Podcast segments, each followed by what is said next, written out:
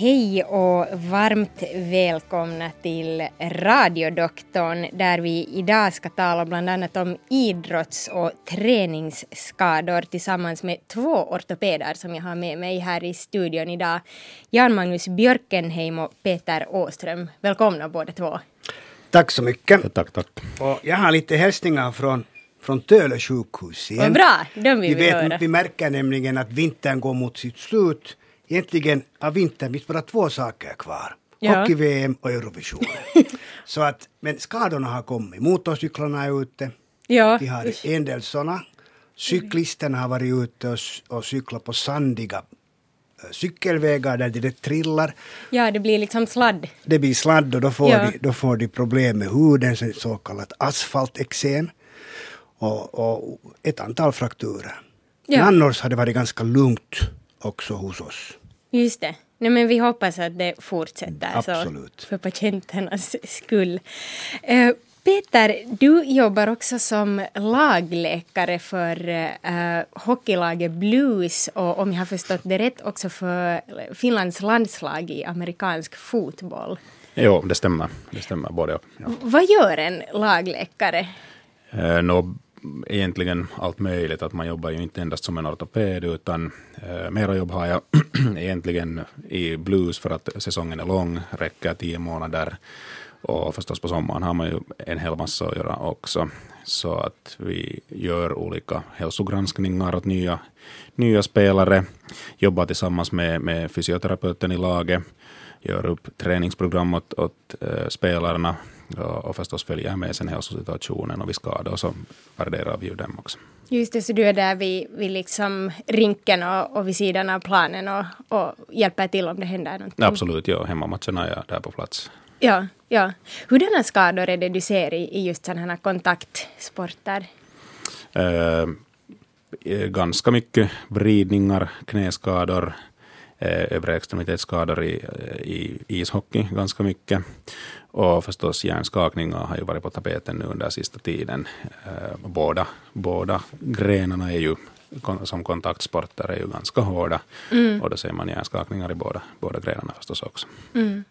Hur är det med sådana här proffsidrottare? Har de liksom ro att hålla sig borta från träningarna så länge som de borde för att rehabilitera sig efter olika skador? ja, absolut. Nu, eh, nu är det ju förstås så att i, i, i vissa fall så är man tvungen att bromsa, bromsa dem lite, men att, men att nu lyssnar de, nu lyssnar de bra. Ja. Bra. Hörni, eh, jag ska först här före vi tar in, vi har fått en hel hög med frågor per e-post, vilket är jätteroligt, men vi hoppas ju på mera, så före vi kastar oss över de här frågorna som nu har kommit in, så, så ska jag säga vad adressen är om eh, ni vill skicka flera frågor till oss. Det är alltså radiodoktorn.vega yle.fi. Och så får ni också jättegärna ringa in hit till studion och då är numret 0600 11 12 13. Och och just nu har vi helt tomt här på linjerna så, så om man vill hinna med så är det här en jättebra tidpunkt att ringa in för ofta blir det sen grym kö där när sändningen drar sig mot sitt slut. Eh, men jag tänkte att vi skulle börja med eh, en fråga som har väntat här i vår e-postbox eh, en tid, vänta på, på Janne tror jag. Eh, det handlar om en sjuk axel och det här var någonting som hände i december 2012 i samband med snöskottning. Så blev den här lyssnarens högra axel och arm väldigt sjuk då. En dag efter det här snöjobbet och han fick sen en kortisoninjektion på hälsocentralen som eh, lite lindrade den här värken och, och sen så ordinerades ett röntgenbesök. Och, och då kunde de konstatera att han har artros i axeln. Och efter det har han gått både på fysioterapi och massage och ak- akupunktur mellan tre och fem gånger. Men, men han tycker att, att ingenting riktigt har hjälpt. Eh, och nu ska vi se vart den fortsatte den här frågan. Han frågar om en nerv kan vara i kläm. Just det, bra, han du har den också bör man, bör man operera eller något annat. Och för att gå in på det här så, så äh, det här är ju en belastningsskada. Ja, Nu känner jag inte till det exakt hur gammal patienten i fråga är, men säkert fysiskt aktiv eftersom han håller på med snöskottning. ja, Så uh, axeln blir, blir sjuk om, om man har en artros, en, för, en sliten led, i detta fall axeln, så finns den här förslitningen också i mjukdelarna och i axeln heter de rotator kaffmanschetten. Mm. De muskler som kommer från skulderbladet och fäster sig i överarmsbenet, de har en gemensam senplatta och den här senplattan degenereras. Det hör till normalt åldrande. Och då kan man gott säga att den tål inte påfrestning lika mycket. Och mm. den här artrosen gör att han har svårt att röra det för att kulleden är helt enkelt utnött. Mm. Och då, då blir allt mycket värre än vad det blir. Ja. Det är att man får lite kortison in, in under under, eller på rotator kaffmanschetten, så den är helt okej okay för att det minskar den här inflammationen och då lindras verken. Mm. Men sen för att, för att gå vidare så borde man göra en klinisk undersökning, utreda att är den här senplattan hel eller inte. Mm. Om den är sönder kan han inte lyfta handen åt sidan, han har muskelvärk mm. och han har värk på natten. Ja, han, han sa att han, han, inte heller kan lyfta nej, den upp. Han, han liksom. kan inte kamma sig, om det är mm. fråga om kvinnor så kan de inte föna sig och de har, en del har svårt till och med att äta eller sköta en analhygien eller något liknande. Mm. Och eh, det här med ont på natten, det, det är något typiskt för de här för, de, för den här uh, åkomman. Och det är vad man gör då efter den där kliniska undersökningen, att man tar en vanlig röntgenbild för att se om den är i kläm. Det finns inga egentliga nerver som är i kläm där. Det mm. finns det inte. Och man kan börja, eller man börjar alltid med att rehabilitera, man gör upp en plan och då och då balanserar man upp vissa muskler. De övningarna kallas Rockwoods-träningar och den kan man göra själv med gummiband. Men man ska göra det mycket moderat så att det inte blir smärta. Ja. För att om man tränar och det tar ont så slutar man, för inte man är någon fakir. Nej, nej, nej. Och, och eh, man måste söka upp ett program som faktiskt hjälper dig. Och om det visar sig att, att en rehabilitering, en aktiv träning efter ett par månader inte leder till till ett bra resultat så har han antagligen en ruptur i den här senplattan. Mm. Och då kan det hända att en operation till och med blir bra. Akupunktur och massage och sådana passiva så kallad passiv fysioterapi hjälper inte. Nej, nej. Så att den här, den här, den här karln, eller den här människan som ringer, så det är bra att han blir undersökt av en ortoped. Mm. Och, eh, och han borde ju bli det inom en nära framtid. Mm. Så man kan kolla upp den här rehabiliteringen, hur det har gjort. Och om det inte hjälper så kan man gå vidare och till exempel med magnetröntgen om man vill, eller sen utan och göra en, en, en artroskopisk operation vid, vid behov. Ja, men så att det finns en hel massa man kan göra för ja. ju också att finns det en chans att få ordning på hans axel det finns, Det finns en möjlighet att få ordning på torpet, men man måste planera det mm. i enlighet med hans kliniska symptom och hans subjektiva symptom. De här mm. två ihop, plus den nativa röntgenbilden, så kommer man bra vidare. Ja, den här patienten skrev också äh, om lillfingret och ringfingret, mm. symptom äh, mm. som kommer dit, att det var sån här pirrande känsla i ringfingret och, och lillfingret, så det har högst troligen inte att göra med axeln, utan det, det låter som det skulle kunna faktiskt vara en, en nerv som är i kläm. I, i dessa fall så skulle det vara då ulnarnerven, armbågs, uh, armbågsnerven som är i mm. kläm vid, vid armbågsregionen då i så fall. Och det, det, det skulle förklara hans symptom och det är något, något sånt som man skulle också kunna värdera då. Men oftast brukar de här pirrande känslingar och domningarna, mm. hela överextensiteten blir bättre när man balanserar upp axelmusklerna. Just det. Sant. Ja. Det går hand i hand. Ja, så roten finns kanske högre upp till... Jag skulle tro det och han har, en, mm. och han har en bra chans att bli bra. Ja, bra. Vi hoppas att, att han blir det också. Det är ju en tid sedan det var snöskottningstider så hoppas att han inte måste lida av det så länge. Eh, jag ska upprepa här uh, numret i radiodoktorn där vi idag alltså har ortopederna Jan-Magnus Björkenheim och Peter Åström med oss. Numret hit är alltså 0611 12 13 om ni vill ringa in och e-postadressen är radiodoktorn.vega yle.fi. Uh, eh, och så tänkte jag att vi skulle kunna ta en sån här fråga om hur man borde rehabilitera sitt knä efter en sån här knäoperation i samband med en uh, skidolycka. Uh, det här är alltså en 30-årig man som uh, råkade ut för en skidolycka där han åkte med väldigt hård fart och, och skidan inte lossade så att knä vreds. Uh, och det opererades efter ett par veckor när han hade kommit tillbaka till Finland. Han hade då tydligen sprucket skenben och korsband som lossnade från sin plats men inte gick av. Uh, och nu så säger han då att efter ett års ganska intensiv rehabilitering så känner han fortfarande att, att det här knäet är lite styvt när han har suttit länge och så får han det inte riktigt så utsträckt som han skulle vilja. Att till exempel om han sitter på golvet och, och har liksom hälarna nere och försöker med muskelstyrka lyfta upp det så då, då går det liksom inte lika bra med det här sjuka benet. Uh, och så undrar han att kan han ännu vänta sig någon förändring till det bättre med ytterligare rehabilitering och, och träning och stretchning och, och så. Uh, och vad borde han i så fall göra?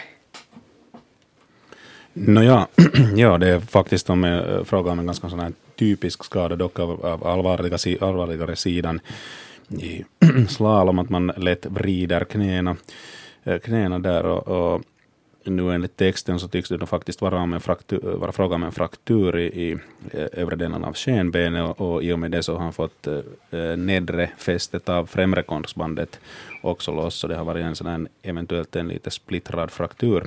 Fråga om, om där och, och, och den, har, den har blivit opererad, opererad och eftersom efter sån här operation så är ju rehabiliteringstiden nog faktiskt ganska lång. Man är tvungen att, att belasta mindre på benet, gå med mm. tryck och använda benet mindre, så det är ju självklart att, att muskelkrafterna minskar eh, efter operationen nog då. Och sen när man eh, så småningom får börja belasta mera och använda knä eller benet mera, så har man en ganska, ett ganska stort jobb att, att, att jobba upp muskelkraften tillbaka. Och i och med mm. det så, så är ett år är ju en ganska kort tid egentligen sen slutligen efter en sån här olycka. Och där skulle jag säga att han, har nog, han kan nog förvänta sig att, det, att, att knät blir nog bättre än Just det. Hur länge efter en sån här skada kan man vänta sig att, att det blir bättre? Går det att säga? Nej, det är svårt att säga, det är ju individuellt, men att, men att eh, i det här fallet så har han högst troligen då eh, jobbat mycket med, med knät och, och troligen enligt fysioterapeutens order och, och, fysioterapeuterna har troligen gjort upp en plan åt honom att hur han, hur han bör rehabilitera den, men att eh, högst troligen så har han inte kommit ännu upp till samma nivå som han var innan skadan. Mm. Nu, nu, tar det tid. Ja. Och att få igång quadricepsmuskeln, den fyrbenta lårbensmuskeln, så tar upp till ett och ett halvt år lätt. Mm. Just det. Så han ska fortsätta. Men sen måste vi komma ihåg, vilket vi, vilket vi inte vet, att om den här frakturen var, gick in i leden, mm. är ledytan slät, det, tror, det, det, det står inte här. Nej, det vet vi inte. Men vi, vi hoppas att det är det. För att om den är slät så har han en bra möjlighet att bli helt okej. Okay, mm. Trots att han har höga förväntningar på sig själv. Men, men om, den är, om ledytan är sönder så då blir det ju en, en, en posttraumatisk artros som, som nog ger åt honom ett styvare knä. Just det. det är mycket möjligt att det har gått ända fram till, till knäleden eftersom som korsbandsfäste har lossat enligt mm. texten också i så fall. Vad innebär det om, om det är en artros där på leden? Den är det, förstelnad? Det, det, in, det innebär att, att, att knäets rörelseomfång lite minskar. Man kan inte riktigt sträcka ut det, det blir en fem graders deficit, men man märker inte så mycket på det. Mm. Men om man då har mycket höga anspråk på sig själv så, så då, kommer det ju, då kommer det starkare fram. Mm. Och så finns det lite verk. Och då är det viktigt att man håller knäet igång och har starka omkringliggande muskler. Mm. Mm. Då kan han hålla det i schack. Och det ja. ska han göra. Men hälsningar till den här mannen är det att tålamod, tålamod och tålamod. ja. Du sa Janne det här om att ha eh, höga krav på sig själv och höga förväntningar. Eh, händer det ofta med folk som just är väldigt aktiva motionärer så att säga och, och rör på sig mycket och vill verkligen komma tillbaka till samma prestanda som de någon gång har nått, att de helt enkelt i den här rehabiliteringsfasen anstränger sig för mycket. Det är ganska vanligt att man vill komma för fort tillbaka. Mm. Det, det, är mycket vanligt. man ska visa att nu, nu kommer jag. Och då, och då, då, då går man någonting som, som man på finska säger ylikunto, att man blir övertränad och det tar ont och då blir det bakslag. Och en rehabilitering är lite av en berg och dalbana alltid. Och då mm. krävs det här tålamodet och då mäter man också hur pass mycket uh, snaju den här patienten har att han orkar. Mm, mm. Och det, jag tror att det är någonting som du på, på, på ishockey och amerikansk fotbollssida får ibland lite, lite liksom säga dem att ta det lugnt emellanåt. Absolut, ja, för att det är ju ändå fråga om deras yrke och ja. mm. det är ju såklart att, att Eh, de, har, de vill ju rehabilitera sig, komma tillbaka till rinken så fort som möjligt. Men som jag sa tidigare, att man är tidvis tvungen att bromsa lite. Mm. Men det är helt samma sak med den här frakturen, att, att benet läks med en viss med en viss tidtabell och det kan man inte egentligen göra någonting åt. Mm. Så då, i början så kräver det bara det att man har tålamod. Och sen, mm. när, det kommer, sen när det är dags för rehabilitering så då kör man, då kör man fram med det. Just det. Jag har också hört vissa här knäskador om, om ett sånt fall där det, det var också en så här väldigt väldigt aktiv motionär som, som tränar liksom upp den här muskeln kring knä och låren just och benen väldigt bra men sen på något sätt så, så ledde det till att andra muskler blev lite för lite tränade i relation till det till exempel i höften och det orsakade sen ganska mycket problem. Men det här är ett typexempel på en rehabilitering som är dåligt planlagd. Mm. Dåligt planerad, utan det är helheten. Det är en kedja man går igenom. En rörelsekedja som börjar från ländryggen, bäckenet, höftleden, knäleden och mm. också vristen. Mm. Så alla de här måste komma med. Precis, så det lönar sig att lyssna på vad fysioterapeuten och, och läkarna säger. Jag tror att det är värt att lyssna. Ja. ja. Nej, det är ju synd om man försöker göra allt rätt och, och sen för att man är överivrig så, ja. så lyckas man Men det är också en bra sak att man försöker. För då, om man inte försöker så blir det inte något. Ja, ja. Nå, sen skulle vi kunna ta en äh, fråga här äh, som handlar om en armbåge. Äh, det var en lyssnare som hade skickat in också sitt röntgen uh, utlåtande. Han är 65 år och han skadade sin högra armbåge för ett år sedan i samband med att han lyfte en resväska ur bilen och, och han sa att han samtidigt liksom lyfte och vred armen. Uh, och han har varit på fysioterapi och hos hälsovårdscentralläkaren på ultraljudsundersökning och också på magnetundersökning nu uh, här för ett par månader sedan. Och då har han skickat oss uh, på finska sitt, sitt uh, röntgenutlåtande och han skulle gärna vilja få det okay. översatt till lite förståelig svenska. För det första så måste jag säga att om man lyfter en resväska ur bakluckan på bilen eller bagageluckan på bilen så kan man fråga sig, är det faktiskt fråga om ett olycksfall? Mm. Men, men han säger också att han har skadat sin armbåge för 38 år sedan i samband med ett fall.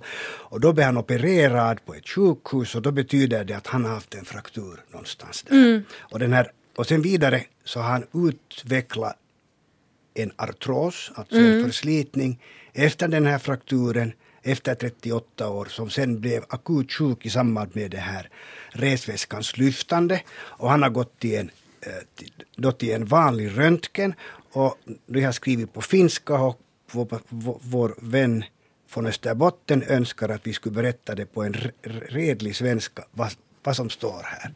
Och det som står där är det att han har en artrotisk armbåge ja. där ledspalten är kraftigt nedsatt, den är smal mm -hmm. och det mhm. betyder också att hans broskytor är utslitna. Han, han, han har dem inte kvar mera. Hans eh, över att hans radiusben är deformerad, den är felställd mm. och det fattas, hans anatomi är annorlunda och, och han har lite äh, osteofyter vilket gör att, att han inte kan röra sin armbåge. De här osteofyterna är, är broskbildningar som, som naturen ger dit och försöker leka med det. Mm. Så han har en långtgående artros, förslitning i leden och han har också ett, ett, ett, ett, ett löst broskfragment och jag tror då att på det här sjukhuset planerade att göra en artroskopi för att ta bort det här lösa fragmentet som, som är som en sand i en kvarn. Just det. Och det kan, det kan vara bra men det är inte alltid så lätt att få ut det ur en artrotisk led så att man ska vara lite försiktig vad man ja. gör. Ja. Men det här är ett problem som, som kommer att leda att han kommer att ha en, en, en stel styv armbåge. Och då, är det. då, och då är det bättre att man har en styvhet innan man sträcker ut på den än man har styv i armbågen när man böjer på det. För om man böjer på det och det är styvt, så man kan inte raka sig, man har svårt att äta Ja, och, och, och, och då får man problem. just Här, det. här faktiskt som, som du sa att, att, att grundorsaken är nog ledslitage och, och den där lösbiten inne i leden. eh, Trots att man skulle operera bort den artroskopiskt så kommer nog högst troligen inte att lösa Nej. problemet. Nej. Just det. Så här är dels den här gamla skadan och, och spökar och... Det här är en naturlig Och- utveckling av den gamla skadan och han betalar priset på det då då att den är, att den är, att den är öm och den är, är stel nu för tiden. Just det.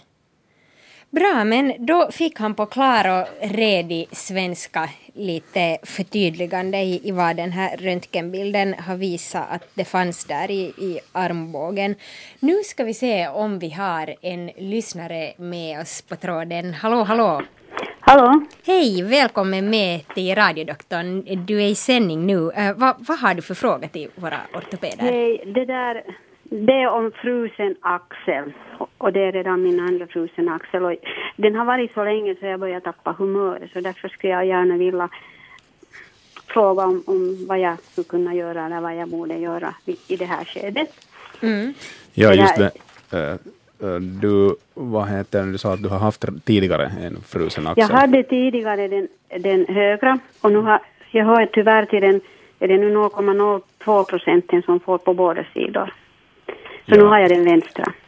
Just det. Hur länge har du haft den nu din vänstra axel? den här vänstra, så började jag vara sjuk så där förra sommaren så tänkte jag att okej, att på semestern när jag gör andra saker än sitta vid datorn så blir den bra, men det gjorde det inte.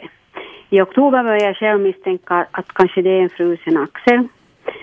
Och sen var jag hos läkare några gånger som sen eh, remitterade mig till en annan läkare som, som det där, för att jag skulle få akupunktur. Jaha.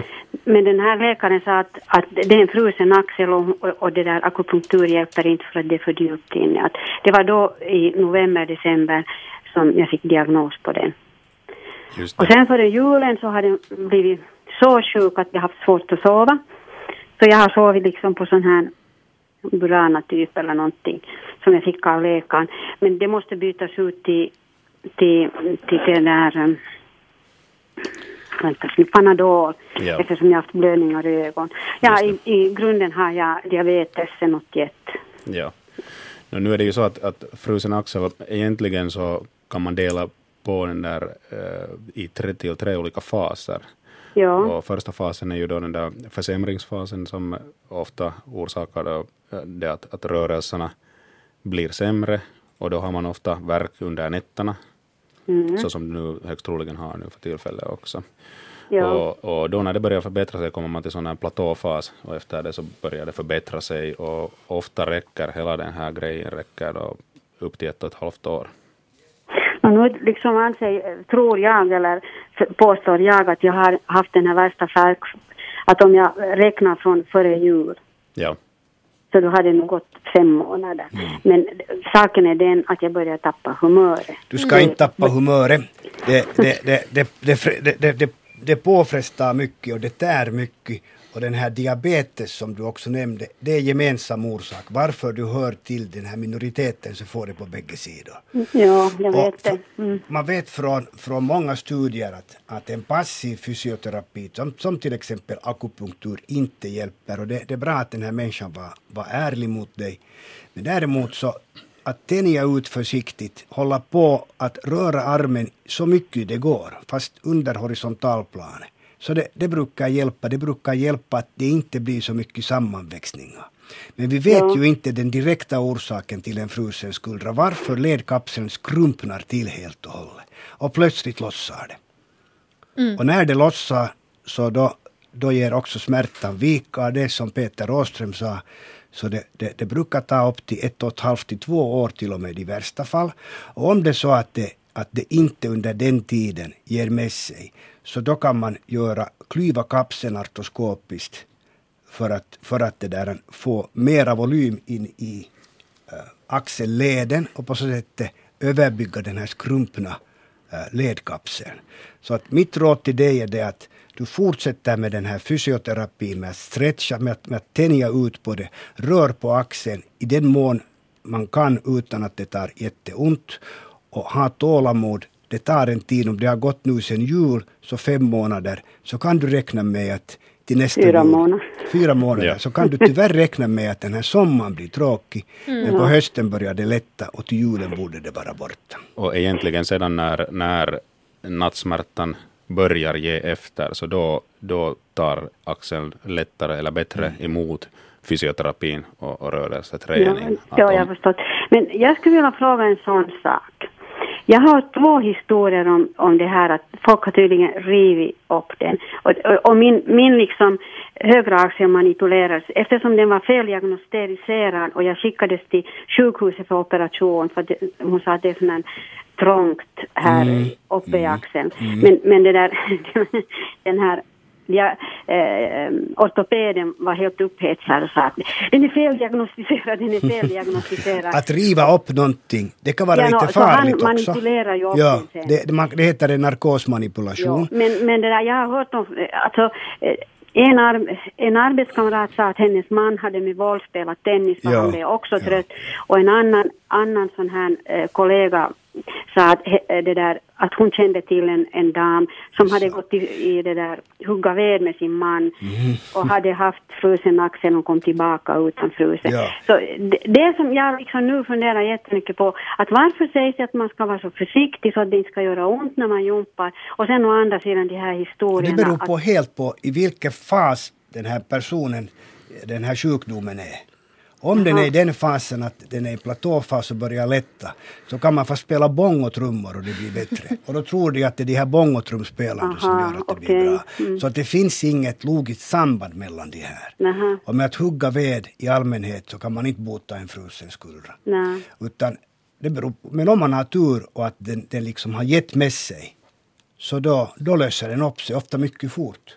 Ja, just det. Och, Ja. och det här är ofta sanningen bakom de här mirakulösa så. förbättringarna. Ja, och förvärringsfasen är faktiskt sån att det är den där första fasen och då, då kan man inte egentligen Nej. rehabilitera. Man kan ingenting göra. Nej, det är inte hemskt mycket man kan göra då. Inte. Om man gör en narkosmanipulation för tidigt så förvärras tillståndet. Jaha, just ja. ja. Nå, ja, visserligen, den hade nu pågått över ett halv... Jag stod ju över ett, ett halvår i kö efter det att, att läkarna hade skickat mig det där innan jag kom in. Eftersom man trodde att det skulle krävas operationsavstid så fick jag vänta så länge. Just så, just Och så. det var kanske bra då. Det var bra nog tror jag också. Men, men Ja. försök ha tålamod och, och stretcha ut på det så mycket det går. Det är ingen vits att man överskrider en, en, en, en verkgräns. För då går det som för Tove Jansson på natten, att, eller att verken blir alltid mycket värre på natten. Ja, ja. Och det, det är inte, det är Ja. inte meningen. Inte. Och, då, och då orkar man helt enkelt inte. ja no. Så att för, det är bara så orättvist när det sym, är på båda sympatin är på, är på din sida och det har att göra med din diabetes. Jo, jag vet att det är det. Och, Ja. och, och det där, men inte ens diabetiker får... Det var 10 procent av diabetikerna som får på båda sidor. Så det betyder att det är 0,02 procent eller det är 0,2. lite mera, men det, det, det, det, det, det är sifferkombinationer och det, jag tror att ingen Ja, blir mm. nöj, glad att veta. hur mycket Men, häck, Men det- kan det- eh, det där drag, att man att det sitter i, drag, Mm. kan det förvärra eller försvåra eller förlänga eller någonting? I allmänhet så, så kan det förvärra i och med att dina omkringliggande muskler går i spasm. De, de, Ja. kontra, de, de blir hårda. Men själva den frusna skuldran har nog ingen skillnad om det är Ja. drag eller inte. Men de omkringliggande musklerna nog. Så att jag- man rekommenderar att inte vara i drag. Ja, hela nacken och alltihop alldeles stelt. Precis, för att du håller dig i en sån här krampaktig ställning. Och därför är det bra att, att, att försöka jumpa upp de muskler som inte tillhör axeln mer. Okej, ja. Japp. Nåja, Ja. tack i alla fall. Och lycka till. Ja, tack för samtalet och, och lycka till. Ja, tack. Tack, Hej. hej hej.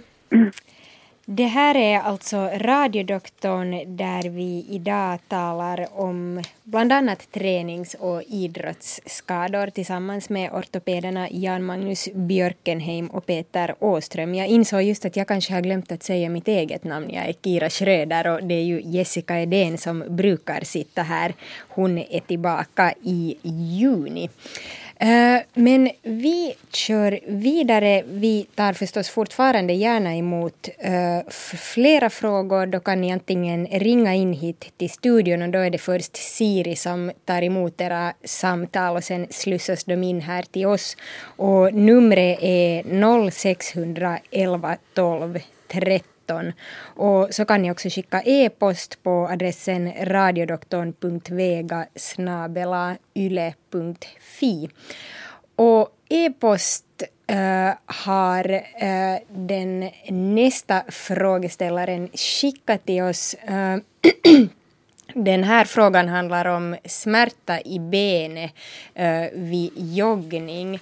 Det är en eh, uh, 28-årig kvinna som började jogga för ungefär ett år sedan och då så hade hon lite smärtor i främre smalbenet men inget farligt. Och sen hade hon en ungefär en månad lång paus i november på grund av, av flera på varandra följande förkylningar och när hon sen då började springa igen efter den här pausen så fick hon riktigt ordentliga smärtor i smalbenet, värre än vad det hade varit tidigare. Och så började det också göra ont vid annan sorts träning än bara vid den här joggningen, speciellt då i sådana former där det fanns mycket hopp. Och ibland så får hon också ont i hela nedre benet, speciellt på kvällarna.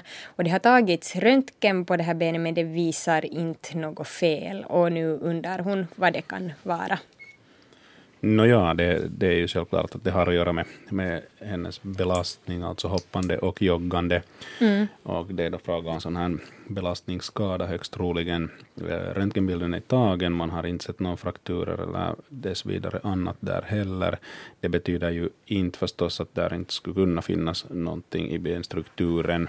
Dock Mm. Då, det, då förstås är ju en stressfraktur möjlig, men, men relativt osannolik vid det här laget. Men att en överbelastningsskada och högst troligen är det då fråga om sån här compartmentsyndrom, eh, vilket betyder då ökad tryck i muskelkompartmentet egentligen då, mm. som förvärras då av kraftig belastning och speciellt hopp. Det är väl det här som på finska kallas penikkatauti ibland? Mm, ja, ja det, det är egentligen det, ja. Ja. Vad, vad kan hon göra då om hon vill, skulle vilja fortsätta med de här motionsformerna? Nå, förstås är det ju viktigt att hon ökar på belastningen måttligt och minskar då på, på de belastningarna som orsakar, som om hon märker att det är speciellt hoppande och sådant som orsakar den här smärtan, så då, då måste man minska på det. Mm. På det och förstås en ordentlig tändning efter träningarna hör ju till saken. Ja. Och det är ofta det som vi glömmer bort, att stretcha är ganska slött ibland. ja, man tycker att man har gjort sitt liksom, ja, precis, när man har varit ute och sprungit. Just det, ja. men, men det är vanligt och det pekar på en överbelastning och det, det, det betyder ju att trycket inne i muskellåsen, muskelfacket, ökar blodcirkulationstrycket och det blir då en liten sån här syrebrist där, mm. musklerna krampar och och då ökar trycket i den här låsen ytterligare där finns en massa nervändor som registrerar verk och då, och då har man mm. det jäkligt. Så att man ska då liksom öka på belastningen tillräckligt sakta och stretcha? Egentligen ja, ja. Och det kan ju vara förstås äh, eftersom hon hade en paus här på en månad och fortsatt då efter den här månaden mm. så kan det vara att hon, hon fortsatte, fortsatt förstås på samma nivå som hon, hon slutade med en månad tidigare och då, då kan det vara att det har varit kanske lite för hög belastning då. Mm. Och sen vet vi inte heller om hon börjar träna vid 28 års ålder hur mycket hon har rört på sig före det. Just det. Där kan finnas ett samband också att, att, att bli lite för ivrig. Just det. Okej. Okay. Och det är vanligt. Men det går ja. över. Det går, det går över, ja. Och sen ja. kan man öka belastningen. Sen kan man Absolut. öka det successivt mm. när, när, när, när också det här muskelfacket och, och, och, och, musklerna i det här facket, de vänjer sig vid det. Så att också blodcirkulationen anpassar sig och muskelmetabolin anpassar sig. Mm. Så då mår hon bättre. Just här ska jag ändå ta upp den där äh, stressfrakturen eller marschfrakturen som också är en grej som kan orsaka sånt här trots att det högst troligen vid hennes, hennes fall är det inte fråga om det. Men att, mm. men att ifall man inte har idrott eller belastat benbyggnaden mycket och börjar plötsligt till exempel jogga joggar lång, längre sträckor så hinner inte benstrukturen med till den ökade belastningen och det kan leda till att benstrukturen är tvungen att ge efter och då, då, då talar man om sådana här marsfrakturer, belastningsfraktur, stressfraktur och det syns alltid faktiskt inte då i, i, i röntgen, normal röntgen, men det kan synas i magnetröntgen. Och behandlingen är ju förstås det att man minskar på belastningen och, och det brukar läka sig oerhört bra. Jo, vi hade faktiskt en fråga av en orolig mamma till en 14-årig son som spelar fotboll och, och, fick en stressfaktura i ryggen och sen hade ett halvt års paus i det här fotbollsspelandet och började spela igen nu i mars eh, utan att den här frakturan tydligen hade läkt och efter en månad så ska han då ha fått en stressfaktura i båda fötterna och då sjukledig från fotbollen igen efter det. Och, och han hade fått uh, en rekommendation att röra på sig men hon undrar att hur mycket uh, kan han göra det liksom tryggt och, och, hur kan de här frakturerna läka och, och, hur farligt är det? Man kan säga att den här pojken knappast blir någon ny Lionel Messi.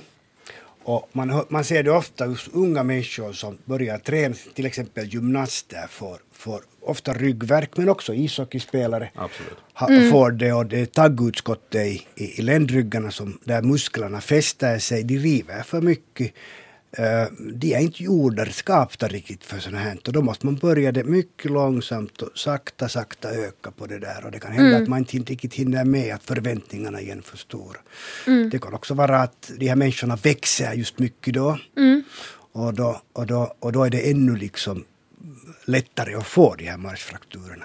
En annan typ är ju, det, är ju då unga pojkar som, som, som börjar sin militärtjänstgöring och inte träna före det. Ja. Så sen så får de, de börjar halta och oftast är det lårbenshalsen som, som, som det där, man märker på det där. Ja. Men om man får på olika ställen sånt här så måste man nog fundera, är det lönt att fortsätta med den slags äh, idrottsverksamhet jag sysslar med eller finns det något annat jag kan göra? Jag mm. tror det. Mm.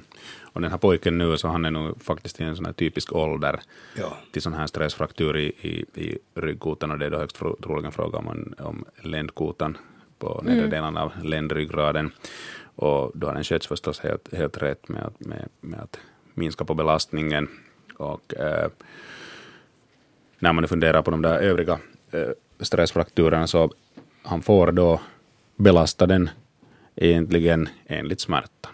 Det är då smärtan som berättar om det är som en feedbackmekanism som berättar mm. att hur mycket, om man belastar för mycket eller, eller om kroppen tål mm. Och då ska han liksom inte gå och försöka tänka att han är tuff och, och liksom vinner över den här smärtan på något sätt utan... Nej, det skulle jag inte göra. Det, det lönar sig nog att lyssna på kroppen och vara ja. ärlig. Ja, ja. Nå, om vi talar, det är ju en helt annan smärta om man talar om träningsverk. Uh, hur är det om man, om man tänker på, på träning?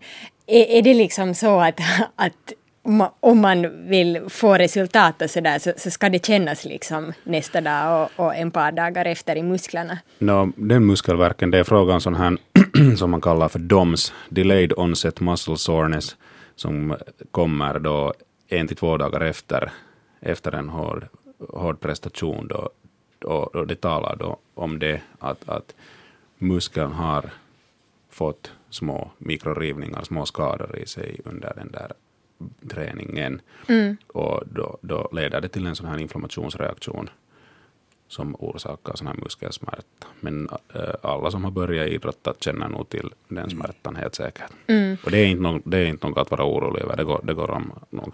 Men så är det lätt också att vara efterklok att, att när man börjar träna upp sin, sin muskelstyrka och sin fysiska kapacitet så bör man vara ärlig mot sig själv och medge från vilken nivå jag börjar. Mm.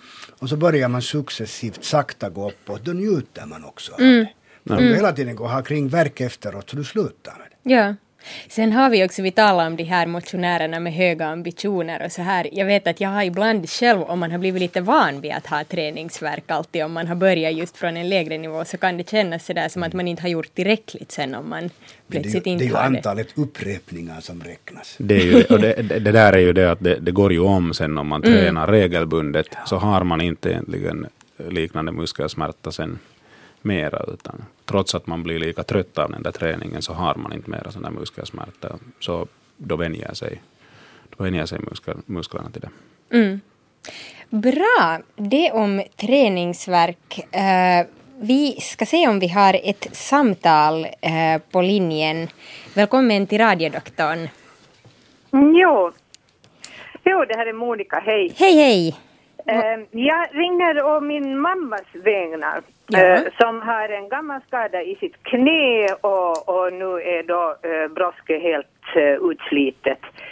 Och, det har ju varit tal i tidningar och annat om att det skulle finnas någon typ av extrakt som man kan spruta in för att ersätta det här brosket. Ja. Stämmer det? Nej, det stämmer tyvärr inte. Det, det, det, där, det finns på marknaden ett antal olika extrakt som, som har funnits. Jag tror de första kom upp på 30-talet i Tyskland i samband med olika badin, badinrättningar. Och det, är, det är ett slags smörjemedel och man talar om sådana hyaluronsyror. Och, ja, och, och ja. därför man har sen gått vidare. Men man har inte kunnat påvisa i, i, i jämförande studier att de här skulle ha en, en, en, en större effekt på det sättet att de, de kan inte få broske att, att, att växa på nytt. Det är omöjligt. Nej, men, klart, men, men, glidytan, men, men glidytan inne i ett knä till exempel kan tillfälligt bli bättre. Mm. Och, och, det här, och det här används till det här för att minska den subjektiva verken. Och så länge ja. de gör det så är det okej. Okay. Men man ska inte gå fram och säga att, att, att, att de ersätter ett utslitet okay. brosk. Men eh, problemet är ju just det att det här knäet som då är där brosket faktiskt är helt och hållet borta. Eh, eh, så det tar ju ont varje gång hon tar ett steg. Precis. Och, och, och nu är det då fråga om en, eh, om en mycket, mycket pigg åldring som klipper gräsmattor och bor i egna hus trots att hon, hon är 90. Eh, eh, så att det här knäet är ju nog eh, det som fäller henne helt enkelt. Absolut, ja. Det, jag hörde er säga åldern 90, så fast er mamma är hur pigg som helst då, så, så hon har en benstomme som, som nog har ha, har slitits också. Om man tänker på att vad kan man göra åt det här knäet för att er mamma ja. skulle må bättre. Så man ja. har då en möjlighet att tänka sig att hon skulle hon skulle fortsätta med en lätt muskelstärkande eller bevarande eh, träning, att hon är, fysiskt, ja, är fysiskt aktiv. Hon tar ja. till käpp nu och då ja. för att balansera upp sitt sjuka knä. Men däremot att vid 90 års ålder börja sätta in proteser är, Nej, det är oftast, omöjligt. Det, det, inte det, det är omöjligt, men det, men det, vad heter det nu, det är det är inte alltid så lätt att, och resultatet kan bli mycket dåligt och det, det, det kan tillstöta många komplikationer ja. som gör att, att, att det allt tar slut. Nej, att, sånt, det, det, det är därför, därför som vi närmast har tänkt på någon typ av glidmedel. Ja, jag tror att om man är 90 år och är fysiskt aktiv och tar sig en spruta nu då i knä. Ja, men så, vilken typ av spruta? Kortison? No, kortison kan man också använda, man sätter med dit då långvarigt bedövningsmedel eller sen de här hyaluronartade syrorna. Men man ska, men man ska också då vara, vara, vara säker, eller man ska veta vad man gör. Och, och, och, enda indikationen är att lindra smärtan så att patienten ja. bättre kan, kan röra sig. Men man ska ja. inte tro att man, att man ersätter ett brosk eller något liknande. Just så. Det går nej, inte. Nej. Just så. Men den här hyalonsyran, så den, den finns helt enkelt då och, och, och kan avhjälpa situationen? Det finns många olika olika sorter. Det är bara ett exempel. Det finns. Men man ska också komma ihåg att varje gång man sticker in i ett knä någonting så kan man inför, föra in dit en infektion. Och det ser ja. vi också. Ja, ja absolut. Ja. Och sen finns det ju förstås, ja, nu, nu, nu, känner vi ju inte till att hur, hurdan knäets situation är, men att i, i vissa fall så finns det sådana olika typs knästöd som man kan använda som det är klart, men man måste tänka på blodcirkulationen också som är, som är lite dålig i benen. Men ett knästöd stöder, det, det får inte strama åt. Nej. Aha. Det, är två okay. helt olika saker. Och, och, och, det är som att linda en halsduk lite ungefär. Att då kommer någonting som heter proprioseptik. Man, man aktiverar nervändorna och, och, och liksom på okay. det sättet minskar man verken. De får så att säga sådär folkligt sagt så får det lite annat att tänka på. Det Och då blir det, då blir det inte alltså, så det, här, ont. det här är då antagligen någonting som ska provas ut eh, faktiskt personligt. eh, Absolut, det det är, är, man kan individuellt och att sen att, att, att ta till käpp, jag vet inte om er mamma har käpp. Jo, hon har eh, Fint. som hon ogärna använder. Ja, men men är det, att använda det, är klart, det är klart att de ogärna använder Ja. det. Men då bör man liksom marknadsföra på ett sånt sätt att, att ett käpp är värdigt. Jo, det är klart. Så, alltså, ibland så knackar det ju till i det knä och då, då, då det tar hon godvilligt förstås till käppen. Fint. Vem gör inte det? Nej, vem gör inte det? Ni, har Nej, en det är klok, ni tycks ha en klok mamma. Jo, det har jag definitivt. Bra. Nej, men, tack så mycket. Det var, Tack det så var mycket. mycket råd. Goda råd. Bra. Tack, tack. Ja, Hej. Tack så tack. mycket. Hej, hej. Eh, och om det finns flera lyssnare där ute som vill ringa in och få goda råd av våra ortopeder här i studion, speciellt då gällande träning och idrottsskador, men ni får förstås också ringa in med, med andra frågor. Men då är numret 0611 12 13 och e-postadressen hit till studion är radiodoktorn.vega yle.fi. Och jag tänkte att vi skulle kunna ta en till sån här ben-knä-fråga som vi fick in här tidigare per e-post. Eh, jag vet inte om ni har den där framför er. Det var en sån här där hon hade citerat eh, en magnetröntgen som var på finska. Eh, det är en lyssnare som är 65 år, 162 centimeter lång och väger 62 kilo. Hon äter hälsosamt och motionerar mycket på olika sätt.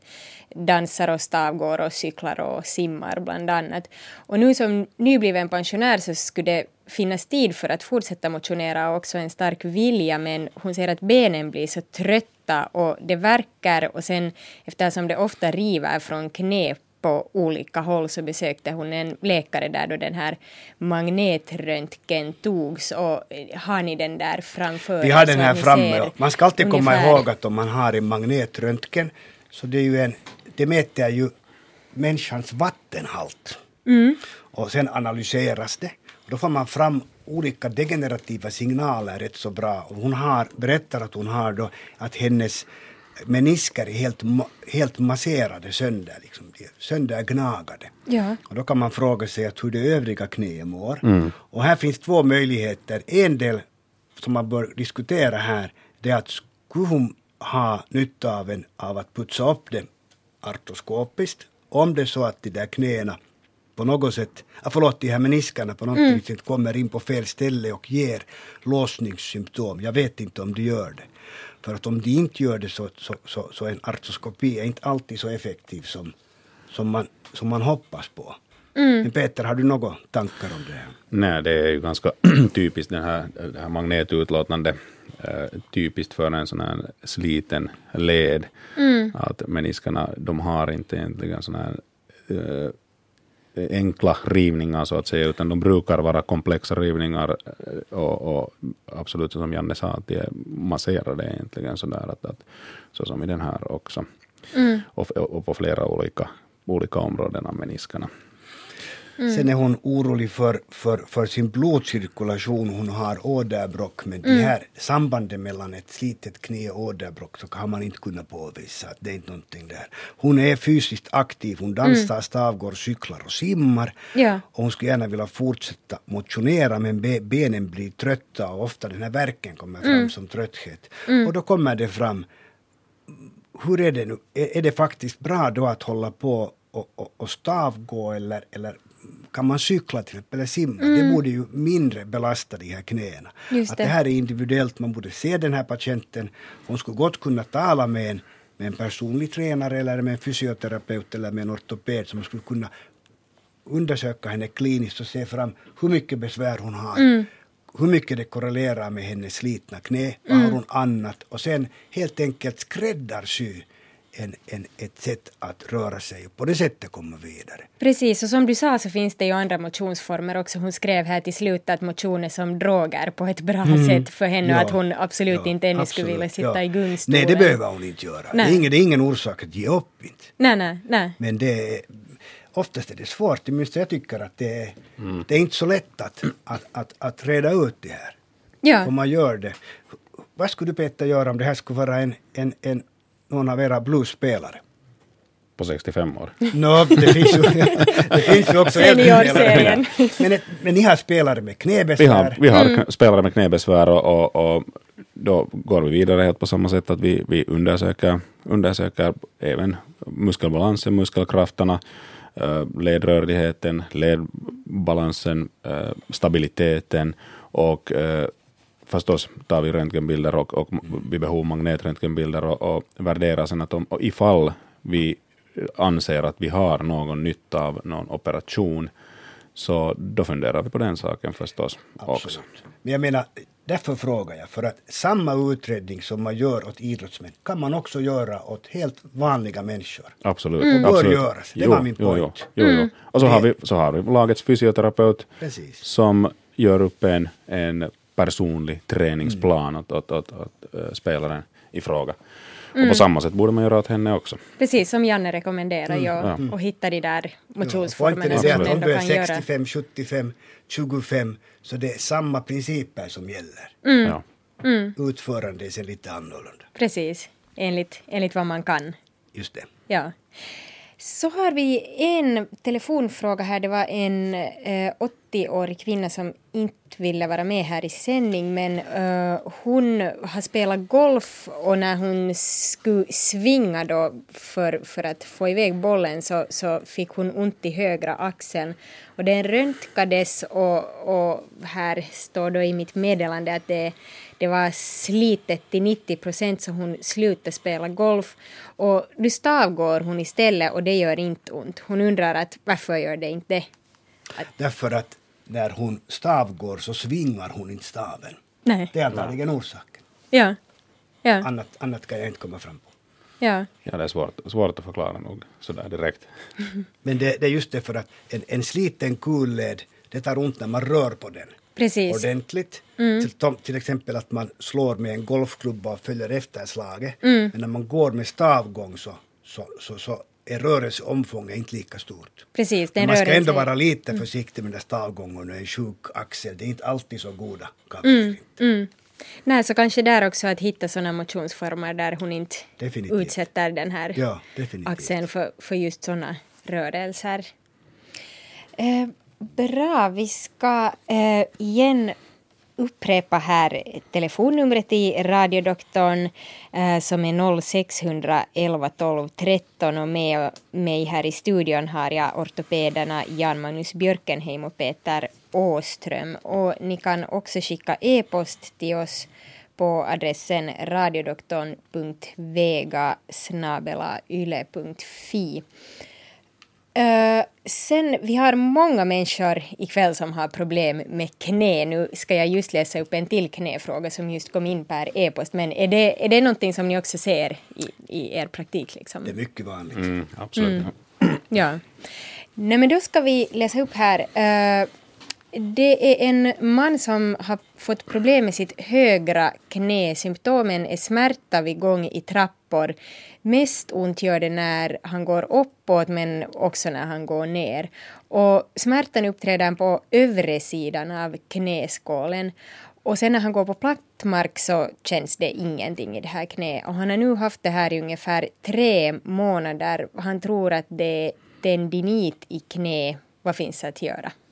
Det är mycket möjligt att det är fråga om en tendinit i knä. En annan, en annan sån här diagnos, diagnos som det kan vara fråga om är faktiskt slitage mellan, mellan knäskålen och lårbenet. Mm. Där, där är också en led som har brosk och, och den belastas absolut i, i, i trappgång, eh, den leden. Men att eh, det kommer ovanför knäskålen så då är det mycket möjligt att det är fråga om, om lårmuskelns senas inflammation, alltså tendinit. Då. Men att nu vet vi ju inte vilken, vilken mannens ålder är. Nej, det framgick inte här. Nej. Nej, men att det är högst troligen fråga om det. Då, och, och, och, troligen har han inte haft en, en skada, skada i knä då tidigare, så då, då skulle jag säga att det är fråga antingen om, om slitage mellan, mellan knäskålen och lårbenet eller fråga om senbesvär. Och eh, det är något sånt som man kan jobba med ganska väl om man får, kommer att få symptomen nog lindra på symptomen ganska lätt med, mm. med rätt typs träning. Det låter Om bra. man har en tendinit så borde man ju med en klinisk undersökning kunna påvisa var den där smärtpunkten är. Absolut, ja. Och då ja. finns det ofta, ofta en liten ömhet, rodnad, svullnad kring den där senfäste. Och då kan eventuellt lite kortison också hjälpa honom. Eventuellt. Eventuellt. Men det är ju inte det som man börjar med. Nej. Nej. Utan man, jag skulle börja absolut med träning. Träning, att, att en läkare värderar situationen och då, då kan man se att vad, vad det kan vara fråga om och, och där skulle jag säga att, att fysioterapin har en har, med fysioterapi så får man goda resultat i det här. Bra. Då, då hoppas vi att han går på den här linjen och, och får det här knä i skick. Nu tror jag att vi har en till knäfråga per telefon. Eh, hej och välkommen till radiodoktorn. Jo hejsan. Hej! Jag skulle så här anonymt fråga. Ja, Fråga det gäller mitt högra knä och jag råkade ut för en arbetsolycka ja, 2011 i början av mars. Och det var så att jag stängde fönstret i vårt arbetsrum och hade lite stöd av bordet att jag kom ner därifrån och då slant nu försvann samtalet här. Uh, ska vi se om vi får upp det igen eller sen får vi kanske helt enkelt försöka ringa upp dig igen. Uh, ska vi se om det lyckas här eller sen får vi helt enkelt ringa upp annars om en stund igen. Vi har flera frågor nog här som vi kan ta emellan om, om det inte ska vi... Nu ska vi se. Har vi med oss dig igen? Hallå, hallå. Hallå, hallå. Hej, nu är du med igen. Det, det gick av här på något sätt. Det gick av, jo då. Alltså jag råkade ut för en arbetsolycka i början av mars Ja. 2011. Ja, Faktiskt att jag stängde fönstret i vårt arbetsrum och hade lite stöd av bordet och när jag skulle ner därifrån så slant jag raklång på ryggen ner på golvet. Oj. Och jag hade lite känningar i, min, i mitt högra knä, i min högra fot men jag tänkte att det kanske beror på den här smällen. smällen. Och jag klarade nog upp mig och jag slapp att gå och foten fungerade sådär någorlunda och jag tänkte att den återhämtar sig. Jag var sen ungefär på jobbet nästan i tre veckor efter det att det kändes inte så illa hela tiden att jag tänkte att jag kan nog väl, väl vara där att lite begränsat sen utföra en del uppgifter men att sen i slutet av mars så blev den så pass sjuk att jag tog kontakt med arbetsläkaren och hon skrev genast en remiss till ortopeden och jag var dit sen i början av, av april och, och han sa att jo att knä måste opereras att högst antagligen att det är det spiralen som har gett vika men att kanske inte helt gått av. Men att operationen ägde rum sen först den 20 maj eftersom det var arbets, på arbetsplatsen skett den här olyckan och dit kom statskontoret emellan så jag var sjukskriven då sen från slutet av den här mars, början av april och blev då sen faktiskt 20 maj så blev jag opererad. Och, och det var ingen sån här öppen operation utan jag hade möjlighet att följa med den i monitoren att jag hade den här ryggmärgsbedövningen och och ortopeden sa att, att spiral, det finns lite kvar av spiralen, att den hade, att han hade inte tagit helt bort den och att den borde repa sig till citat normalt. Och så var jag fyra veckor sjukskriven och knä ville inte riktigt lugna ner sig. Och sen efter, där vid midsommar så skulle min sommarsemester börja. Då tyckte både arbetsläkaren och ortopeden att, att knä borde vara i det skick att jag fick order om att använda det normalt och vara med det normalt. Inga kryckor fick jag då efter operationen. Nå, jag hade sen min sommarsemester citat i fyra veckor och efter det jag var tillbaka till arbetet så var jag tillbaka också till arbetsläkaren och hon skickade mig tillbaka till ortopeden och, och den gick sen fram och tillbaka att det blev lite sån här kattsvansdragning mellan det hela. Och jag bad om en remiss till den här MRI-röntgen men han tyckte först att det, det var onödigt eftersom det var klart att det var spiralen som i knä hade gått. Och sen tog jag kontakt med både Statskontoret och med mitt eget försäkringsbolag. Och det gick ut på det hela sen att jag betalade själv den här magnetröntgen. Och när jag hade fått resultaten och skickat in dem till Statskontoret så var det helt enkelt klart att det borde ha tagits då genast innan operationen. Operationen, nå, jag fick sen i penningväg tillbaka mina, mina pengar därifrån. Men att han tyckte sen att det är konstigt att det inte börjar repa upp sig och han skrev remiss till fysioterapeuten att jag var mm. där ett tiotal gånger. Får jag fråga hurdana för... symptom ni har i knät? Är det svullet, ger det vika, det låser det sig? Det är fortfarande lite svullet. Ja. Det, har varit, det var som en limpa då under, efter Precis. sommarsemestern. Ja. Och den tål liksom ingenting sånt här att att om man är tvungen att snabbt röra eller vända om sig, springa med den kan man inte. Inte jogga heller för det har jag inte ens provat det, mig nu det på. Mycket, ja, det är mycket möjligt att ni har en skada också på den här ledbrosken som ni fick då när ni slant från det här från, från, då hämmade i mars 2011 och slog knä och vred. Och då, och, och, och då har ni fått en meniskskada, det som ni kallar för spiral. Jo, jo. Och den här menisken, den är recesserad, man har tagit bort en del av den. Jo. Det gör man med en sån här titthållsteknik, man, man kan också sy fast det, men i det här fallet har man då gjort det här. Jo. Och om det inte vill bli bättre efter en sån här titthållsoperation så bör man alltid komma ihåg att kan det finnas en broskskada som har tillkommit mm antingen vid olycksfallet eller sen i vissa fall också när man opererar. Jo, att det, och, det har... Och, och det där, man brukar i allmänhet nog, det är inte obligatoriskt, men det, man, man anser att det är lönt att ta en magnet före man går och opererar. Det därför, att, därför att då, vet man, då kan man bättre planlägga och planera sin operation. Precis, och det och, frågade jag ortopeden precis. flera gånger ja, om, men att det, han tyckte inte det var okay. nödvändigt. Nej, nej, det, det, det, det, kan jag inte ta ställning till. Nej. Just, jo, men, men, jo. men då har man gjort det senare en, en, en magnet åt er. Jo, efter operationen. Jo, och det som inte kom fram, att vilka var fyndet i denna magnet som gjordes efter operationen, det sa ni inte.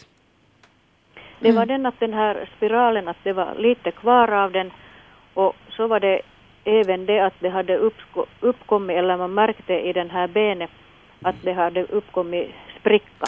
Ni har alltså en broskskada där bredvid? Det är det som det går ut på? Sån här, sån här vridning ofta, ofta kan då, då leda till, om det, om det kommer sån kompression eller vridning i, i ledytan, så kan det leda till sån här eh, så kallad svullnad i ben, benstrukturen under brosket och det, det kan orsaka smärta i knä. Och det, det ser man inte om, fast man artroskopierar, men det, det syns i magnetundersökning nog. Jo.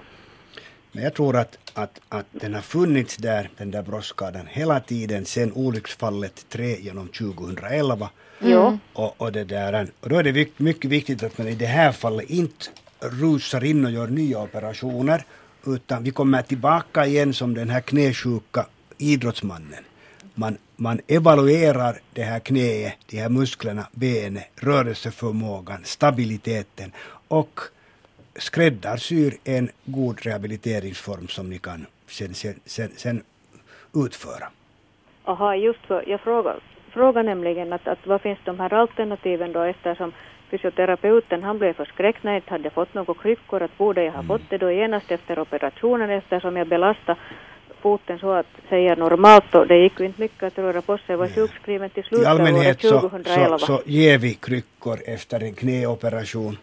Så mm. att vi, men jag kan då inte ta ställning till närmare det här, men jag tror att Nej, förstås, ni, borde, ni borde rådfråga er ortoped också och fråga att vilken är den här broskskadans roll och be att få en bra evaluering som sen försäkringsbolaget kan ta hand om och, och, och, och värdera. Och ju bättre den här, den här läkarens kliniska undersökning är, desto större chanser är att ni också får den hjälp ni, ni är värd. Mm. Jo, för det har varit nämligen att jag har varit i kontakt med min, mitt eget försäkringsbolag, ja. jag har varit i kontakt med Statskontoret och den här ortopeden, han sa då sen att nu har han tyvärr inga, ingenting längre att erbjuda. No, då byter ni ortoped? Jo, det är det som jag har funderat på eftersom jag tog på nytt kontakt med bägge försäkringsbolagen då efter min sommarsemester så kom det svar att det kan, kan icke vara samma skada mer, att det har uppstått något nytt och så har det ju inte hänt men att det försäkringsbolaget... ja, fast ni är kvinna, hur gammal är ni? Uh, jag fyllde 50 då 2011. Okej. Okay. Så att det där, uh, jag skulle nog evaluera på nytt av en, av en så kallad neutral ortoped som ja. ska ge en ny evaluering som försäkringsbolaget också kan behandla. Så här second opinion. Yes, mm. precis. Mm. Just, och, då kom, och då kommer ni vidare, för annars är ni fast i en återvändsgränd Och jag, bägge, både Peter Åström och jag anser att ni har en någon slags bromsskada med Ja. i detta knä. Just, jo. Och det har ju fört med sig sen att eftersom man har blivit lite som eh, rörelsehindrad på Just det sättet att man har ju inte kunnat röra Nej. sig på Nej. Då normalt är också sätt, den så här har man ju fått vikt rehabiliteringen, också lite till. den här rehabiliteringen är också viktig då. Ja. Ja. just, jo. Men Okej. jag tror att vi, vi borde ta och börja gå vidare för vi har Ja. många, många frågor här ännu Jo, och, och jo. lite tid kvar. Men, men jag hoppas att, att eh, du får hjälp då av en second opinion och rehabilitering för det här så det, det, det skulle bli lite ordning på, på, på ditt problem. Precis, för nu har det ju gått så här pass lång tid med att ännu finns det möjlighet att möjligen få knäet Det finns absolut möjlighet att vara aktiv så kommer ni vidare. Jo, Ja. okej. Fint. Lycka Tack till! Tack ska ni ha. Tack ja. så mycket. Tack så Okej. mycket. Hej, hej. hej. hej. Jo, det här, eh, vi har fått en massa, massa frågor här nu på e-post så att vi börjar helt enkelt beta av dem. Eh, det här var en fråga som kom in redan tidigare eh, som handlar om tår. Eh, det är en aktiv 50-årig motionär och långloppsskidåkare som mest håller på med klassisk stil, både på snö och rullskidor. Och i, i slutet av säsongen, jag antar att det då är vinter vintersäsongen, eh, så fick han känningar och smärtor i stortåleden på vänster fot och han misstänker begynnande hallux rigidus. Eh, vad är det om vi börjar där? Hallux rigidus, då, det är inte samma sak som hallux valgus, det vill säga där, där stortån vrider sig inåt. Uh, hallux rigidus uh, är egentligen uh, sånt, sån situation där, där tåns rörlighet bara börjar minska och det har ofta att göra med ledslitage i, i tåleden. Och eh, det bildar då överloppsben på bägge eh, övre, övre och, och undre delen av, av eh, själva leden och, det, leden och det leder då till det att, att leden inte kan röra på sig mera lika mycket. Ja, han säger att han känner smärtor när foten böjs, till exempel redan under helt vanlig gång. Men att Därför den att här... sto- den här trampdynan ger efter Mm. och stortåns basled rör på sig. Just Och när den då är artrotisk, försliten, så tar det ont. Ja, den skulle inte vilja röra på sig. nej. Och när han är aktiv så man kan nog göra någonting åt det. Ja. Uh, han har fått en Voltaren-kur av uh, allmänläkare och sen har han haft någon sorts silikonkudde mellan stortån och nästa tå och sen haft då speciellt bredlästade kur skor. Nu läser jag två ord på en gång. Den här Voltaren-kuren tog inte bort smärtan för att den återkom liksom direkt när han slutade med kuren och han har nu undvikit löpning under våren och istället hållit på med terrängcykling. Uh, men det har gått två månader och han märker inte någon skillnad. Jag tror att, att man kan inte kemiskt kan man inte behandla det här. Nej, tror Det går det. inte. Ja. Men, Ja. men då blir det sen att evaluera med röntgenbild. Hur stor är den här, är den här förslitningen? Hur stel är st- stor, stortåns basled? Och sen, jag skulle nog föreslå att man skulle evaluera efter att han är aktiv och fundera på, kan man steloperera den här? Alltså göra en, en, en artrodes. För då skulle den där rör, lilla rörligheten komma bort och då skulle han kunna vara aktiv i sitt långloppsskidåkande. Så att mitt råd skulle vara att han skulle ta kontakt med en ortoped som sysslar med sådana här saker. Ja, Just det, för hans allmänläkare hade sagt att han, de vill först pröva så här mjuka metoder som de kallar det före han skulle skickas vidare till ortoped men ni tycker att han borde Jag tycker man har genast. prövat det redan. Ja. Med, med silikon och olika verkmediciner så kan man inte bota en sliten led. Nej, och sen undrar han också massage, manipulation, det tror ni inte heller i Nej, det här fallet. Det, det hjälper. Och i vissa Nej. fall så kan det vara sån situation att man kan göra operation där man kan öka på rörligheten av basleden. Men det eh, grund, eh, grunden ändå är det att, att den får inte vara mycket sliten den där leden. För att ifall du ökar rörligheten i en sliten led så, så får du mera smärta till stånd egentligen bara då. Det blir en ond cirkel. Mm, just Ja. det. Så att, eh, i och med det så skulle det vara mycket, mycket viktigt att en ortoped värderar situationen vid det här laget redan. Ja. Bra, då går vi vidare till en till eh, fråga em, som har att gälla med fötter. Här är det faktiskt problem med båda fötterna. Det är en lyssnare som har skickat e-post om att hon har ont i hälen. Uh, av och till nu ganska precis i två månader. Uh, och det är vänstra hälen uh, längs bakre kanten på den så blir det emellanåt så sjukt att hon inte kan gå. Och det här mm. håller på en tid och sen försvinner det när hon inte belastar det allt för mycket. Om, om vi pratar om samma patient så är hon 55 år gammal. Ja. Och den här, den här smärtan som man får då i hälen är ganska typisk för någonting. Det betyder det att när man blir äldre så sjunker fotvalvet. Mm. Och då kommer den här senan som stöder det, den blir också förändrad. Dess, dess, dess uppbyggnad blir annorlunda. Och det kan bli till och med förkalkningar, då får man en så kallad helsporre. Ja. Men före det så får man en inflammation, det vill säga att den, den, den, den eh, sväller upp lite, blodcirkulationen försämras och då talar man någonting som, som heter en plantarfaskit. Det är ett ganska stort område. Men det här pekar på ett sånt. Och, och, och de brukar gå över efter ett år. Det är lite mm. som den här frusna skuldran. Ja. Mm. Men där är sen viktigt att man stretchar på det. Och till och med, man kan, och, och när de är riktigt jäkliga, svåra förlopp, mm. så då kan man till och med, till och med tejpa upp det. Just det, och det finns på webbdoktorn en video på, det, där du visar det hur det går till. Det finns där hur man kan göra, men man kan också gå till en fysioterapeut som lär dig åt det, men mm. det finns nog. Och den här texten är ganska typisk för en sådan. Ja. Man ska undvika kortisonsprutor i dessa hela för att det, det, ofta blir det bara sjukare av det. Det är min personliga Ja, samma också. Just det. Ja. Men det här är det vad hon har. Just hon har en god prognos, det brukar ta slut. Hon sa att hon har hållit på med sådana här akillessena-tänjningar men att det inte har hjälpt men... men då äh, det... hon, hon tänjer ju då akillessenan men att det är själva fotvalvet. Precis. Man kan få hjälp av en fysioterapeut med det. För att hitta rätt sorts liksom, yep, tänningar. Precis. Ja. Sen kan man göra det själv. Ja. Sen hade hon också Morton då på den andra foten, alltså att, att det den här... Det är samma sak egentligen. Mm. Att fotvalvet sjunker, vid trampdynan så blir foten bredare. Om hon går tillbaka till sitt klädskåp så kan hon, skulle hon inte kunna få på fötterna de skor hon använde för 20 år sedan. Mm. Utan lästen har blivit bredare. Ja. Det är rätt tyvärr, man får inte säga att de är kvinnor som är 55 år, del av ett åldrande, men det är ju det vad det frågan om. ja. Ja, och, och Morton förstås, jo, det har ju faktiskt ihop med det där som Janne sa, just att, att fotvalvet sjunker och mm. i och med det så blir en, en nerv i kläm mellan, mellan fotbollsbenen och det, det kan orsaka strålningssymptom till tå, tårna. Just det. En del har, har får lindring när hälen är som sjukast av, sjukast av hålinlägg. Andra får av mycket hårda skor, så det där varierar mm. lite. Mm. Det finns inget, man måste pröva sig fram helt enkelt. Ja, ja. Bra, vi tar ännu en fråga som handlar om löpning och diskbrock. Är det skadligt att löpträna med diskbrock?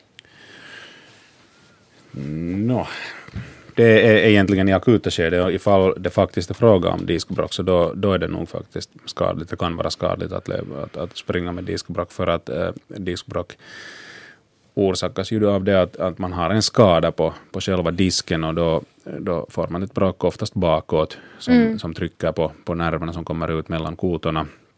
Och då i akuta skede har den inte förstås läkt sig ännu och den är, fylld med, den är vätskefylld äh, har mycket vätska i sig och, och kan orsaka då tryck mot, mot nerven. Och ifall man då löper eh, eller hoppar eller böjer eller vrider på ryggen så kan det vara att, att diskbråcket blir större. Just det. Och i och med det så skulle, skulle, skulle jag nog säga att man inte ska löpa ifall man har en akut diskbråck. Ja. Men sen när det har repat sig och lugnat ner sig som uh, kring en 90 procent av av diskbråcksfallen gör av sig själv. Man behöver absolut inte alltid operera dem. Eh, så efter en tid, när den har lugnat ner sig, så kan man väl fortsätta med, med idrotten. Just det. Jag tror vi har mm. många lyssnare idag som gärna vill motionera och det är väl mm, det man strävar det, efter absolut. alltid. Precis. Så har vi en till motionär här eh, som får kramper på utsidan av foten under träning. Uh, hon har alltid tyckt om rullskridskoåkning men att under ett par år så har hon fått svåra kramper på utsidan av fötterna när hon tränar. Speciellt då vid rullskridskoåkning men också vid skidåkning och promenader.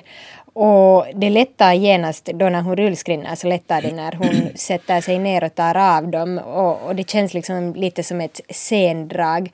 Uh, hon har också testat på att köpa nya rullskridskor men det hjälper inte. Hon säger att det blir inte heller bättre med tiden att om hon tänker att hon mm. rullskrinnar hela sommaren. Jag förstår henne väl och det, det, vad heter det, det är ett problem som inte är så där fruktansvärt lätt mm. löst men äh, av det vad du berättade nyss så får man den bilden att de här rullskridskorna trycker. Mm.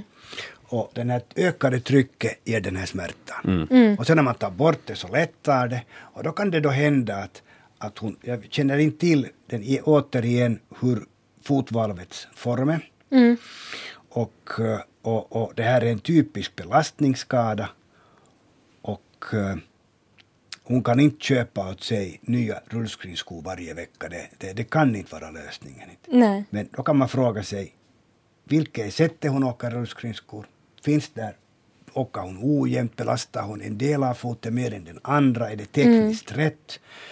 Uh, det kan vara en möjlighet, för det, det förekommer ju också hos folk som, som fast skrinner med skrinskor. Mm, mm. Och det är ju ett, du känner till det bra, det, det kan vara ett stort problem vad det gäller hockeyspelare. Ja. Att hitta rätta skridskor. Och jag känner igen det från skidåkning, slalom också. Ja, ja. de, här, de här pjäxorna, mm. som vi heter på finlandssvenska monor. Ja. Så, så de, är, de är ju, det är klart. Och, och därför nu för tiden om du är en avancerad åkare så, så gör du först ett foamavtryck och så gör mm. man liksom pjäxan efter din fot och inte vice versa. Men det är rullskrin att, att, att, att vad är det som, som, som gör så det, jag skulle, jag skulle gärna se att hon skulle fast markera ut, rita på sin fot var det tar ont. Mm. För att när hon går till en läkare så det är sällan hon, hon åker rullskridskor till läkare. Exakt. Men när hon går dit då har hon ritat, eller en bild var det är. Mm. Då kan man lite börja säga att hej, varför spänner den här? Är det något fel på hennes, hennes fot så den ser ut? Kan man, kan man tekniskt hjälpa det? Mm. Och sen kan man också uh, titta på hur hon mm, mm åker de här rullskridorna, hur mycket och så vidare. Jo, hon sa ju att det ibland också känns vid skidåkning och, och mm. promenader. Mm. Uh, så kan det vara helt enkelt någon felställning i, i foten. Men det här när hon säger att det bränner som eld, så det är ett tecken på att det trycker på en på någon nerv mm. Ja, högst troligen så är det fråga om det att det trycker egentligen, att den är så spänd, mm. att den trycker ihop egentligen från sidan, hela, hela fotbladet. Och i och med det så trycks också, också fotbollsmusklerna, blodkärlen och nerverna också till en del, så det, det är högst troligen fråga om sån situation. Mm. Då kommer man in i en ond cirkel. Ja. ja. Och, och eftersom man då oftast inte går till läkare när det är riktigt jäkligt för att det, det sen går över. Så ta då en rita med en bild. Så det, en bild förklarar mycket bättre än tusen ord. Mm. Det skulle min, vara min rekommendation till denna rullskridskoåkerska. Just det. No, men till läkaren med, med lite te, inte teckningar men lite märken på Varför foten. Teckningar och märken på foten? Mm. Ja, då kommer ja. man längre. Då kommer man längre. Precis. Bra, lycka till också med den krämpan så att du också kan fortsätta åka rullskridskor. Uh, sen har vi en fråga som kom in per e-post om en finger som gick ur led för sju månader sedan vid ett bollspel och den här killens vän drog det tillbaka på rätt plats, det här fingret. Och när det var på plats så kunde han röra det normalt men han förstod aldrig att uppsöka vård då genast efter det här. Och dagen efter så svällde det upp och den här svullnaden finns nu fortfarande kvar efter sju månader.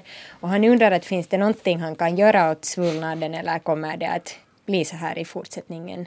Nej, äh, då när det är fråga om sån här eh, fingerled som går ur led, så det är inte endast det som sker att, att benstrukturerna hoppar bort från sin plats, utan där, där får mjukdelarna också eh, skada. Och mm. nu, det, nu, vet vi ju inte vilka, vilken, vilket finger och, och, vilken led det är fråga om, men att, men att där är stödstrukturer som håller lederna på plats och de, de, tar, de tar skada vid sån här situation.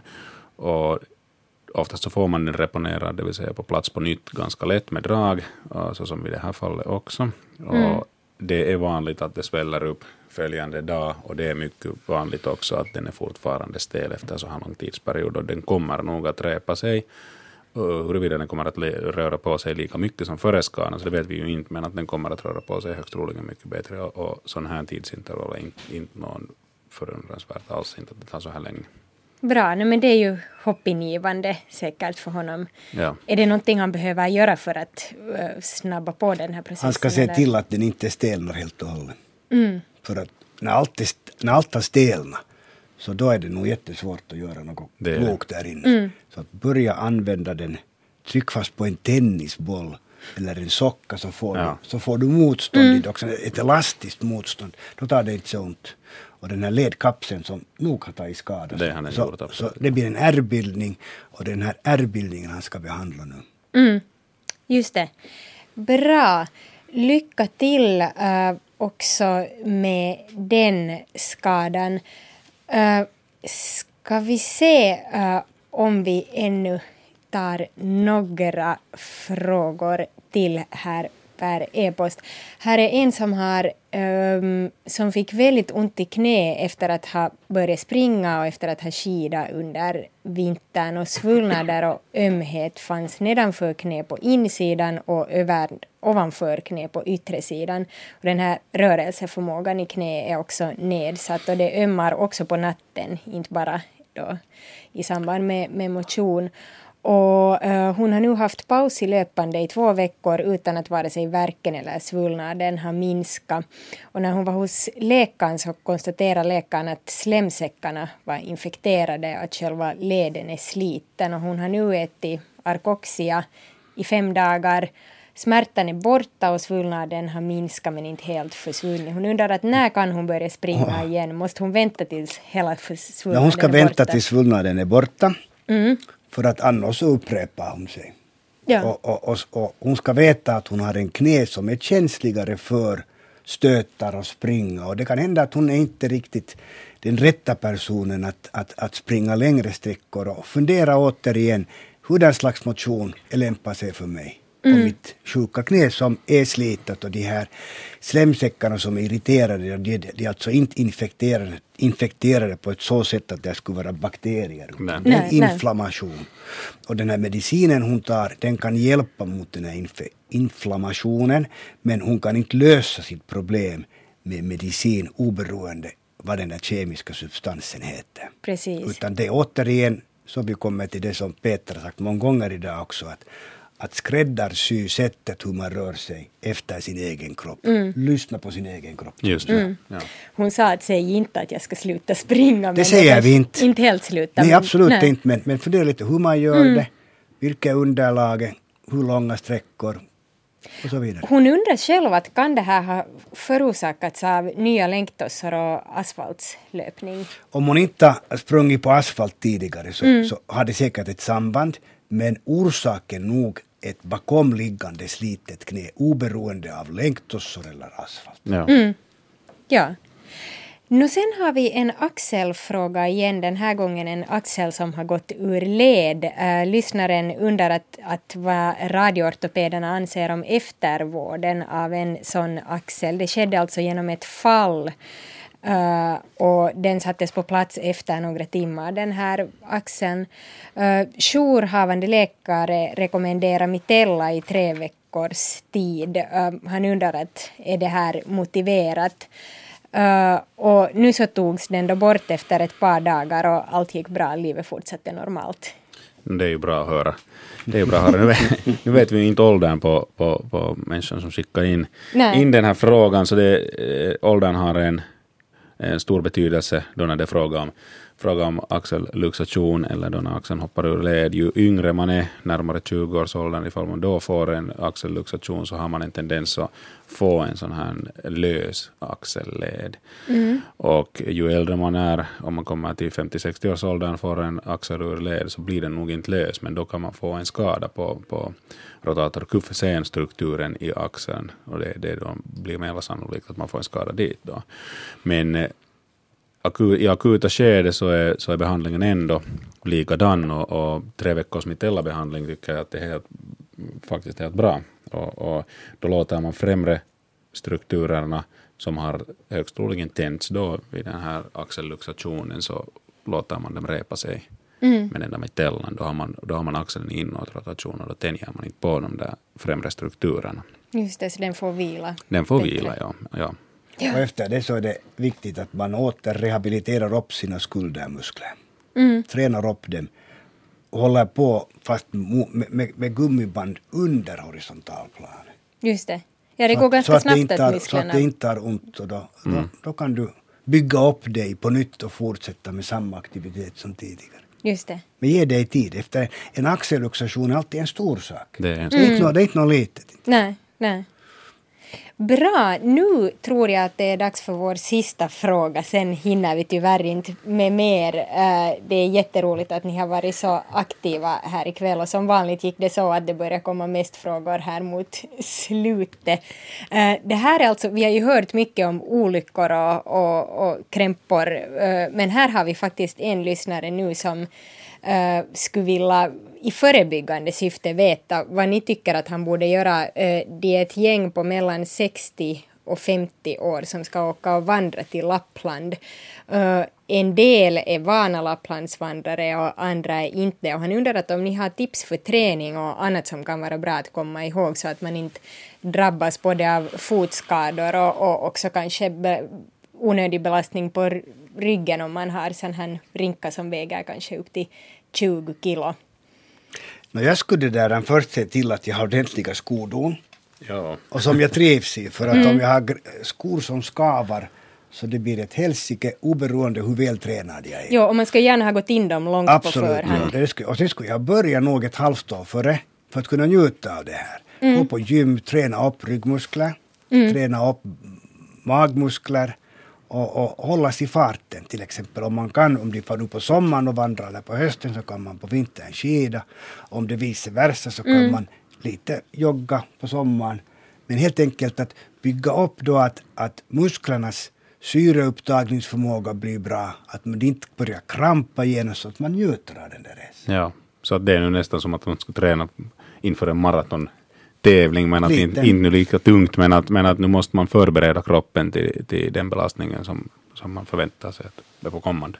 Mm. Det blir en mycket mer njutningsbar fjällvandring ja. på det sättet. Bra, hörni, det fick bli sista frågan den här gången i radiodoktorn. Jättestort tack till våra ortopeder Jan-Magnus Björkenheim och Peter Åström för att ni var med. Och nästa vecka så eh, får eh, Robert Bergholm ta över här i studion. Han är allmänläkare och han är speciellt insatt i diabetes och jag vet att det åtminstone på menyn står vissa frågor kring dieter. Det har varit en del debatt på Yles webbplats om den här LCHF-dieten med lågt kolhydratintag och som, som en form av vård för diabetes och, och där tror jag att Robert Bergholm har en del att säga. Uh, vi hörs alltså igen nästa vecka. Tack för att ni lyssnade. Hej hej!